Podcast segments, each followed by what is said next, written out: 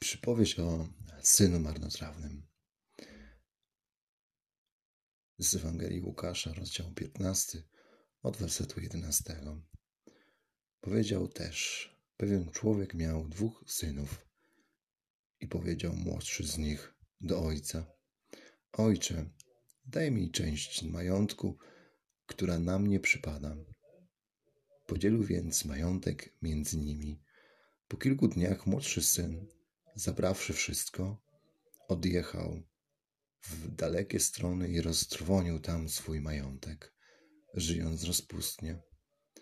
A gdy wszystko wydał, nastał wielki głód w tych stronach, a on zaczął cierpieć niedostatek.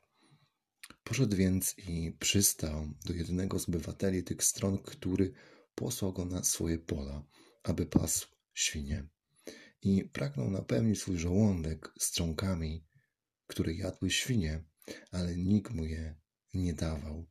Wtedy pamiętał się i powiedział: Iluż to najemników mego ojca ma pod dostatkiem chleba, a ja z głodu ginę.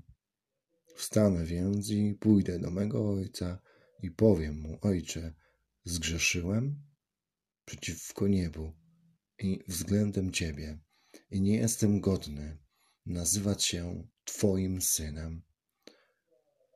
Zrób ze mnie jednego ze swoich najemników. Wtedy wstał i poszedł do swego ojca, a gdy był jeszcze blisko, zobaczył go ojciec i użalił się nad nim, a podbiegłszy, rzucił mu się na szyję i ucałował go. I powiedział do niego: Syn, ojcze, zgrzeszyłem przeciwko niebu i przed Tobą.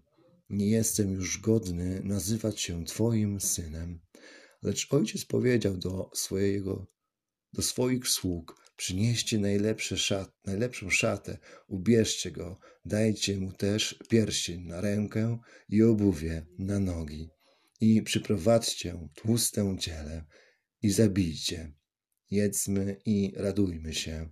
Ten mój syn bowiem był martwy, a znów żyje. Za, zaginął, a został znaleziony. I zaczęli się weselić. Tutaj zakończę. Tam jeszcze jest troszkę kontynuacji, ale, ale chciałbym się skupić na tutaj głównie dwóch jakby częściach tej historii, tej przypowieści, jaką Chrystus ogłosił, głosił uczniom, by ich uczyć, jak ważna jest dla nas, abyśmy ją znali, nie tylko tak literalnie, o czym mówi, ale też jakie ona ma przesłanie. Jak zobaczycie tutaj, w momencie, kiedy ów a, syn wziął te pieniądze, przetrwonił,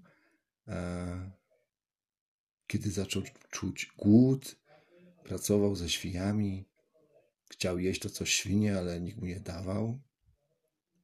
W 17 wersecie czytamy: Wtedy opamiętał się. I myślę, że to jest bardzo kluczowe słowo opamiętać się. No i powiedział: Iluż to najemników mego ojca pod dostatkiem chleba ma, a ja z głodu ginę. Wstanę więc i pójdę do mego ojca i powiem mu: Ojcze, zgrzeszyłem przeciwko niebu względem ciebie i nie jestem już godny nazywać się Twoim synem. Zrób ze mnie jednego ze swoich najemników. I tutaj widzimy jakiś stan, mimo że ten człowiek, ten syn naprawdę a, nagrzeszył, jakiego stan serca jest, upokorzył się chce się upamiętać, już nawet nie chce, e, wie, że stracił taką rolę syna przez to, co zrobił, ale że z głodu chce przynajmniej tam być blisko i chce do niego wrócić ze spuszczoną głową, ze wstydem. A ojciec? I to jest piękne.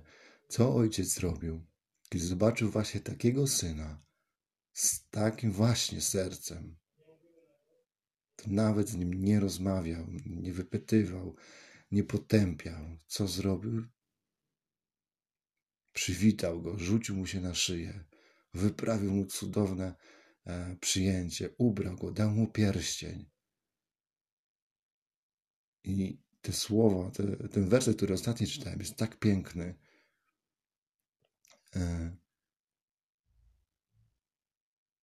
To jest 24 werset. Ten mój syn bowiem, mój syn był martwy, a znowu żyje. Zaginął, a został znaleziony. I zaczęli się weselić. Jak się tu nie weselić, jeśli przychodzi do nas jakiś nowy, nowy człowiek, który właśnie zagubiony gdzieś tam między tymi świniami, pobłądził, naprawdę pogrzeszył, tak jak my, każdy z nas.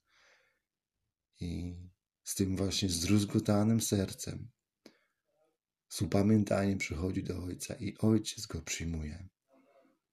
I myślę, że tutaj głównym przesłaniem dla nas, nie tylko osób nienawróconych, ale też nawróconych chrześcijan, prawdziwie wierzących, jest to, jakie my mamy serce. Jakie mamy, jakie mamy serce i jakie serce Bóg przyjmuje.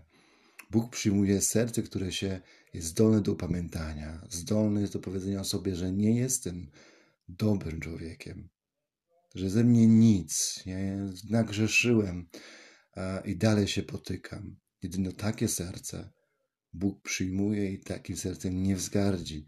E, I też to właśnie czytamy, właśnie dosłownie podobne słowa, podobny właśnie sens jest w, w Psalmie 51, jeśli w momencie, kiedy Dawid bardzo zgrzeszył, już był namaszczony przez Boga, już był królem, zgrzeszył naprawdę niedobrze, źle, niemoralnie, cudzołożył, był mordercą, kłamał, a Bóg mu wybaczył, bo wiedział, że wiedział w tamtym momencie i później jak czytamy w psalmie 51, e, Dawid mówi sercem wzgardzonym, zdruzgotanym, takim złamanym, duszą taką złamaną Bóg nigdy nie wzgardzi, nie odrzuci nas.